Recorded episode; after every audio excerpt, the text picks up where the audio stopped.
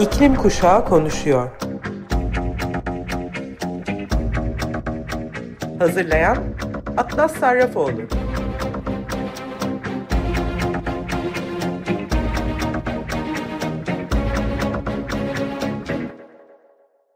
Hepinize merhaba sayın Açık Radyo dinleyicileri. Ben Atlas Sarrafoğlu.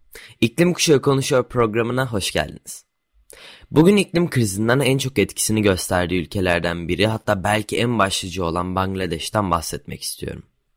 Önce Dakka, Bangladeş'ten 23 yaşında bir iklim aktivisti Farzana Faruk Jumu ile yaptığım röportajla başlayalım. Bir iklim aktivisti olarak kişisel hikayen nedir? Nasıl başladın ve genel olarak iklim hareketindeki konumun ve devam etmeni sağlayan nedir? Bilmeden bir iklim aktivisti olarak başladım. 2007'nin en büyük kasırgalarından biri olan Sidir oldukça etki yapmasına rağmen basında yer almadı. Bangladeş dünyada 6 mevsim yaşayan tek ülke. Çocukken bu fark çok güzel ve anlamlıydı ama şimdi eskisi gibi değil. Ben de bunun nedenini arıyordum. Yaşadığım şehre bu kasırgadan dolayı evsiz kalıp taşınan biriyle tanışmıştım. Bana hiçbir şekilde yardım alamadıklarını anlattığında çok şaşırdım. Sadece bilmek istedim. Çünkü şehrime gelen çocuklara eğitim vermek istiyordum. Onlar aslında iklim göçmeni ama biz onlara mülteci bile diyemeyiz. Kendi ülkelerinde oldukları için onlar da benimle aynı haklara sahipler. Onlara öğretebilmem için iklim krizine önce kendim öğrenmem gerekiyor. Bu yüzden Fridays for Future ile ilgileniyorum. Farklı ülkelerden insanlarla tanıştıktan sonra iklim krizinden daha büyük bir şey olduğunu fark ettim. İklim adaletsizliği. Bizler ister bizi kaynak olarak isterse çıkar merkezleri olarak kullanıyor olsunlar. Küresel kuzey tarafından kendi çıkarları için sömürülen ülkeleriz. Bu yüzden emisyonları yüksek ülkeleri pek çok kişinin bilmediği insanlarımı ve ülkemi temsil etmek zorunda kaldım. Kendime iklim ve sosyal adalet aktivisti diyorum. Esas olarak yerel grubum için iletişimden, dış ilişkilerden sorumluyum. Ben de insanlarımızı eğitmeye çalışıyorum. Benden çok daha önce cephelerde iklim krizine karşı mücadele veren topluluklar benim aktivistliğe devam etmem için motivasyon sağlıyor. İklim krizi gündelik hayatını nasıl etkiliyor bize anlatabilir misin? Bangladeş'in başkenti Dakka'da yaşıyorum. Ani muson kayması nedeniyle yağış mevsimi beklenenden çok daha uzun sürüyor. Bu nedenle az yağışta bile çalışmayan kötü drenaj sistemiyle sular içinde mahsur kalıyoruz. Sıcak hava dalgası da aşırılaşıyor ve şehirde 40 milyon insan varken günlük hayatımızı yaşayabilmemizi neredeyse imkansız hale getiriyor. İç göç nedeniyle birçok insan evini terk edip şehirlere gelmek zorunda kalıyor. Bu yüzden kirlilik daha da artıyor. Neredeyse her 3 kişiden biri hava kirliliği nedeniyle hava yoluyla bulaşan bir hastalığa sahip. Yapılan adaletsizliği görmek beni içten içe öldürüyor. Dünya liderleriyle konuşmak için bir platformun olsaydı onlara ne söylerdin? Biz kendi platformumuzu yaratıyoruz. Her gün bunun için uğraşıyoruz. Çünkü bize bir platform vermeyeceklerini biliyoruz. Yani demek istiyorum ki iklim onarımına ihtiyacımız var. Yardıma veya taahhütlere değil. Karbon salınımına yüksek oranlara sahipseniz bize baskı yapabiliyorsunuz ama peki bunu biz neden ödeyelim? Bize tazminat ödenmeli. Sebep olduğunuz iklim felaketi için almamız gereken borcu ödemiyorsunuz. Küresel bir iklim anlaşmasında yumuşak bir dille ihtiyacımız olup olmadığı konusunda tartışmanıza ihtiyacımız yok. Ülkende karşı karşıya olduğun iklim krizi kendini nasıl gösteriyor? Ayrıca lütfen MAPA, en çok etkilenen insanlar ve topluluklar, olmanın senin için ne anlama geldiğini bizlere anlatır mısın? Bangladeş deniz seviyesine yakın bir kıyı ülkesi. Bangladeş'teki kıyı bölgeleri fırtına ve deniz kabarmalarından, drenaj tıkanıklığından ve deniz seviyesinin yükselmesinden doğrudan etkilenerek iklim değişikliğinin en ön safhalarında yer almaktadır. %10'luk arazimiz gelgitlerden do doğrudan etkileniyor. İklim değişikliği nedeniyle her zamankinden daha fazla yağış görüyoruz. Yazın sıcak hava dalgası yıkıcı etki yaratıyor. Yağmur mevsiminde yoğun yağış muson kayması selleri daha düzensiz hale getiriyor. Ayrıca her yıl daha fazla siklon daha şiddetli hale geliyor. Arazi kaybı daha fazla insanın ülke içinde şehirlere göç etmesine neden oluyor. Ancak şehrin kaynakları da oldukça sınırlı. Bu yüzden hayatları daha da kötüye gidiyor. Tuzluluk, kıyı bölgesinde hemen hemen her yerde kendini gösteriyor. Biyoçeşitliliği yoğun bir ölçekte öldürüyor. Şehrimizde hava kirliliği gittikçe artıyor. Bu nedenle de hava yoluyla bulaşan hastalıklar artıyor. Mapa olmak iklim krizinin getirdiği acıyı ilk elden deneyimlemek demek. Tüm bu acılarla karşı karşıya kalmadığım için biraz ayrıcalıklıyım ama insanların ve ailelerin doğal afetlerle savaştığını görüyorum. Ki bu pek de doğal değil. Mapa olmak bana bu felaketlere uyum sağlama gücü veriyor ama aynı zamanda bize yapılan adaletsizliği görmek beni içten içe öldürüyor. Geçtiğimiz ay COP26'ya gittin. COP26 sizin için neden önemli ve dünya liderlerinden taleplerin neler? Bangladeş en çok etkilenen ülkelerden biri olduğu için iklime duyarlı foruma liderlik ediyor. Ancak küresel platformlarda sesimiz duyulmuyor. Halkım onlarca yıldır minimal kaynaklarla nasıl uyum sağlayacaklarını biliyor olsa da iklim krizine bir çözümümüz olduğunu düşünmüyorum. COP'a katılmam insanlara gerçek iklim değişikliğinin neye benzediğini ve sorunlarını nasıl ele almamız gerektiğini bildirmek için önemliydi. Küresel kuzeyden çok fazla erişime ve görüşe sahip medya asla gerçek sorunu yansıtmıyor.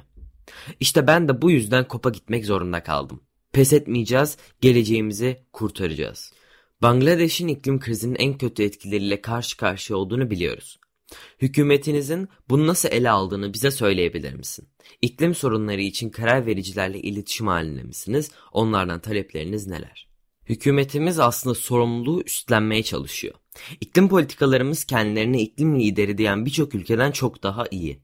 Şu anda iklime duyarlı foruma liderlik ediyoruz. En az gelişmiş ülkelerin bir parçası olarak diğer komşu ülkelerle başa çıkmaya çalışıyoruz.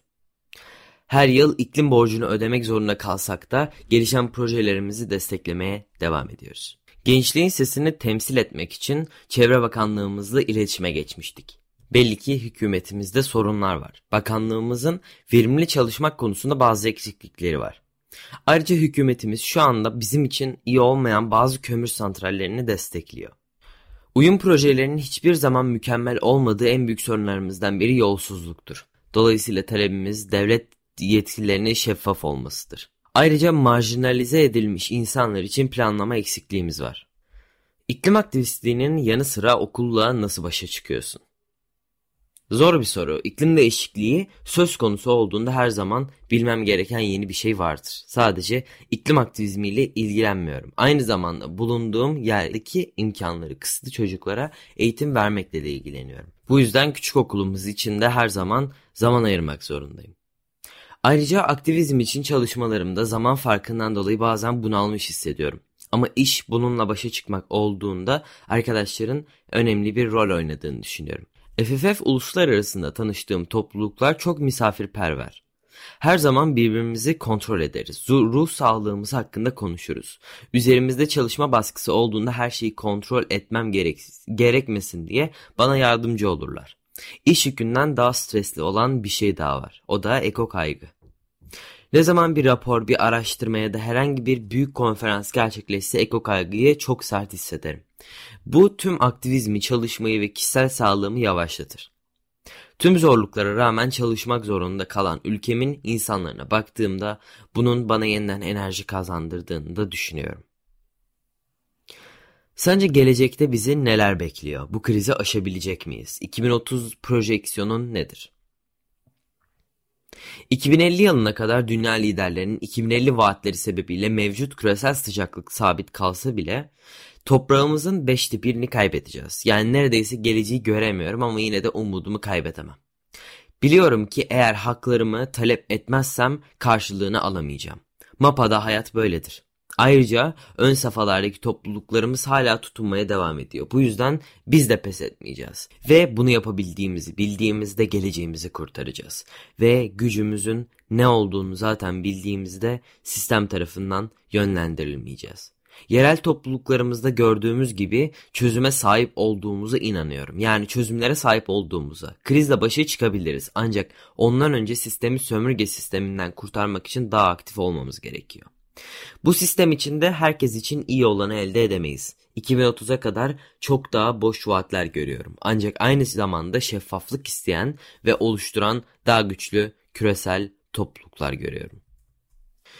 Evet, yaptığım e, röportaj, yaptığım e, Bangladeş'ten e, Farzana Faruk Jumu ile yaptığım röportaj bu şekildeydi. E, kendisi dediğim gibi dakikada e, Bangladeş'te yaşıyor. Yani iklim krizinin en çok e, etkilerini gösterdiği e, yerlerden, dünyadaki yerlerden bir tanesi. Küçük bir müzik molası vereceğiz. Coldplay'den Champion of the World dinleyelim. Sonra Farzana Faruk'un ülkesi Bangladeş'in iklim krizi karşısında verdiği sınava bakalım. Çözümlere sahip olduğumuz ve krizle başa çıkabileceğimizi söyleyen Farzana bana ayrıca Bangladeş ile ilgili çok detay iletti. Ben de size Bangladeş'in iklim değişikliğinin en çok etkilenen ülkelerden biri olmasına rağmen iklim krizine karşı verdiği mücadelede örnek olması ile ilgili Farzana'nın ilettiklerinden küçük bir derleme yaptım.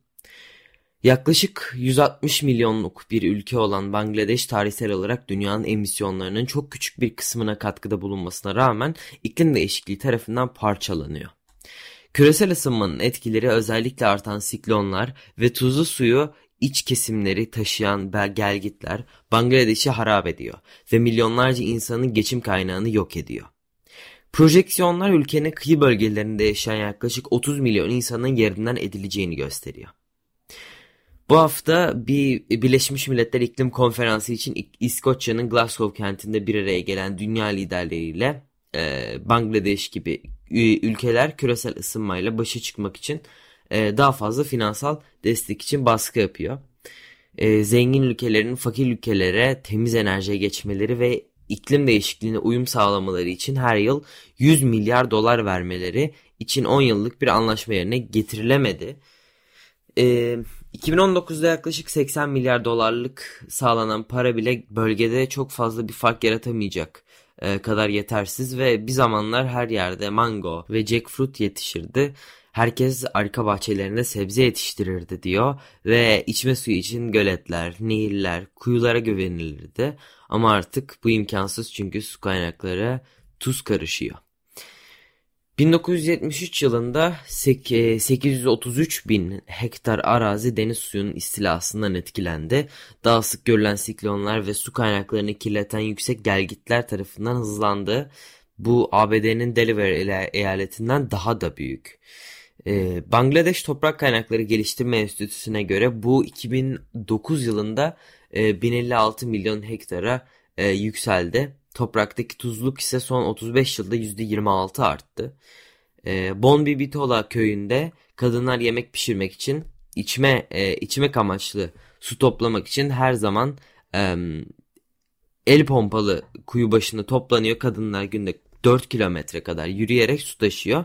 Ama bu da uzun sürmeyecek. Bölgedeki kuyular sadece muson yağmurlarındaki e, aylarda tatlı suya kavuşabiliyor.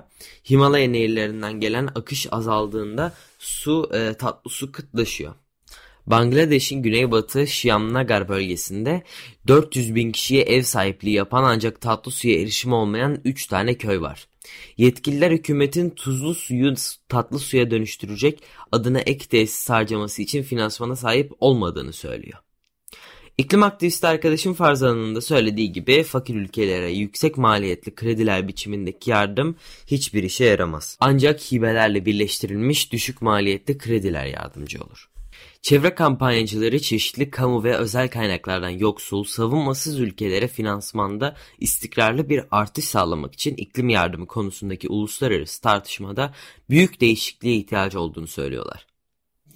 Greenpeace International'ın başkanı Jennifer Morgan ayrıca fonların en az %50'sinin iklim değişikliğinde adaptasyona gittiğinden emin olmanız gerekiyor.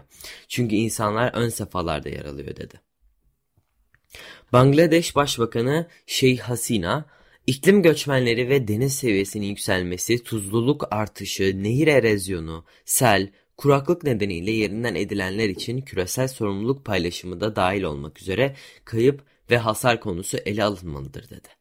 Bangladeş, Ganj, Brahmaputra, Meghna nehirlerinin sonundaki havzada yer aldığından iklimle ilgili felaketlere eğilimli bir bölgedir. Hükümetler arası iklim değişikliği panelinin son raporu özellikle Güney ve Güneydoğu Asya için geri dönüşü olmayan ve reddedilemez bir gelecek çizdi.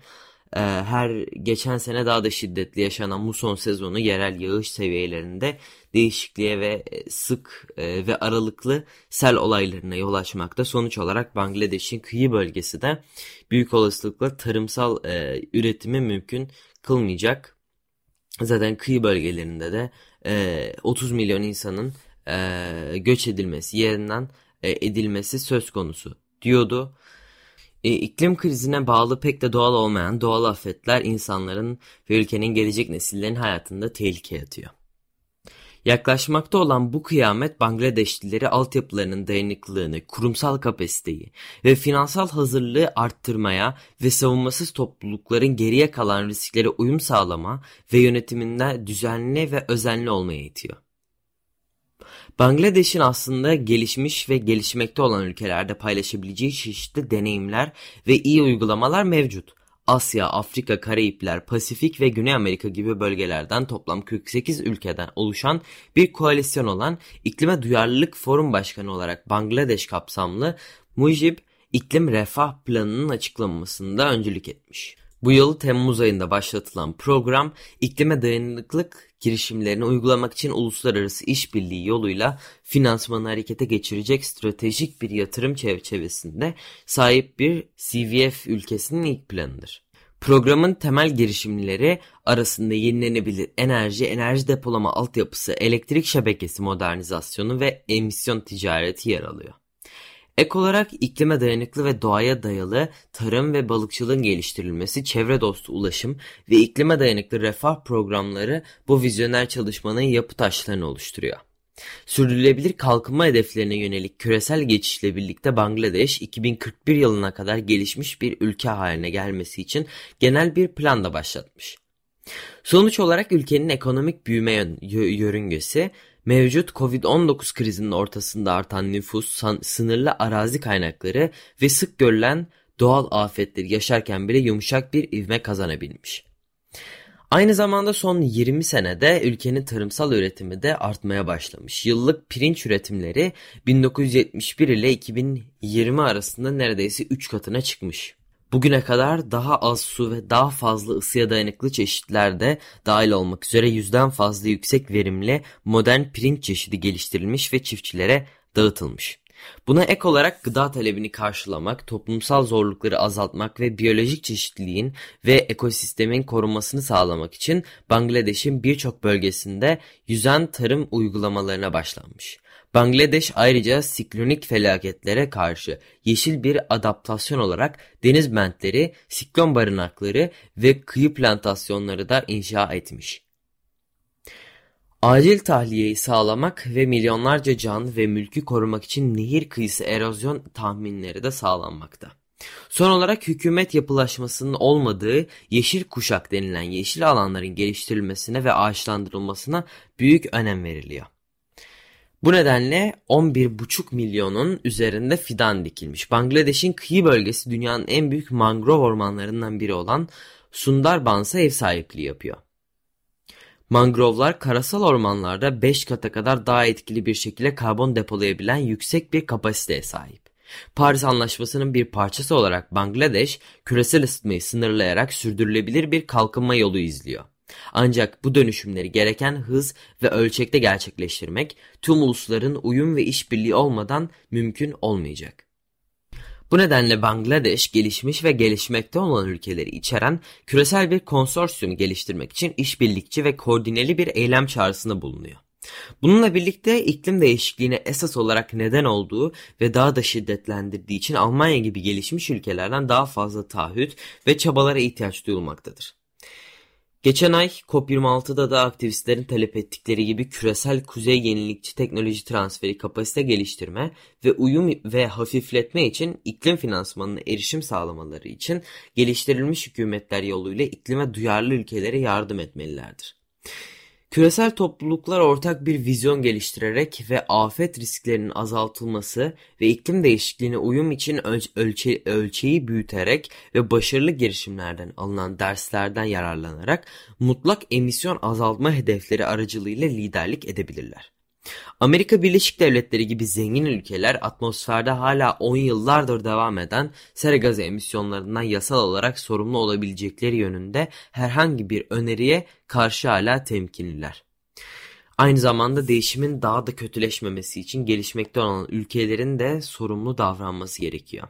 Yani kısaca hepimiz birimiz, birimiz hepimiz için sloganı durumunda çok uyuyor.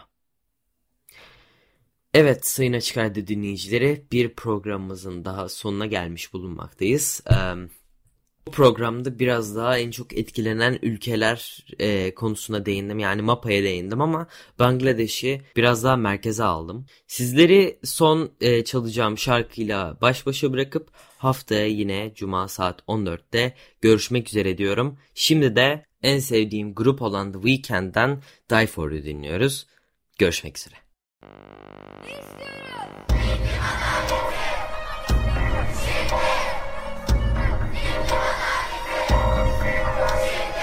İklim Kuşağı konuşuyor. Hazırlayan Atlas Sarrafoğlu.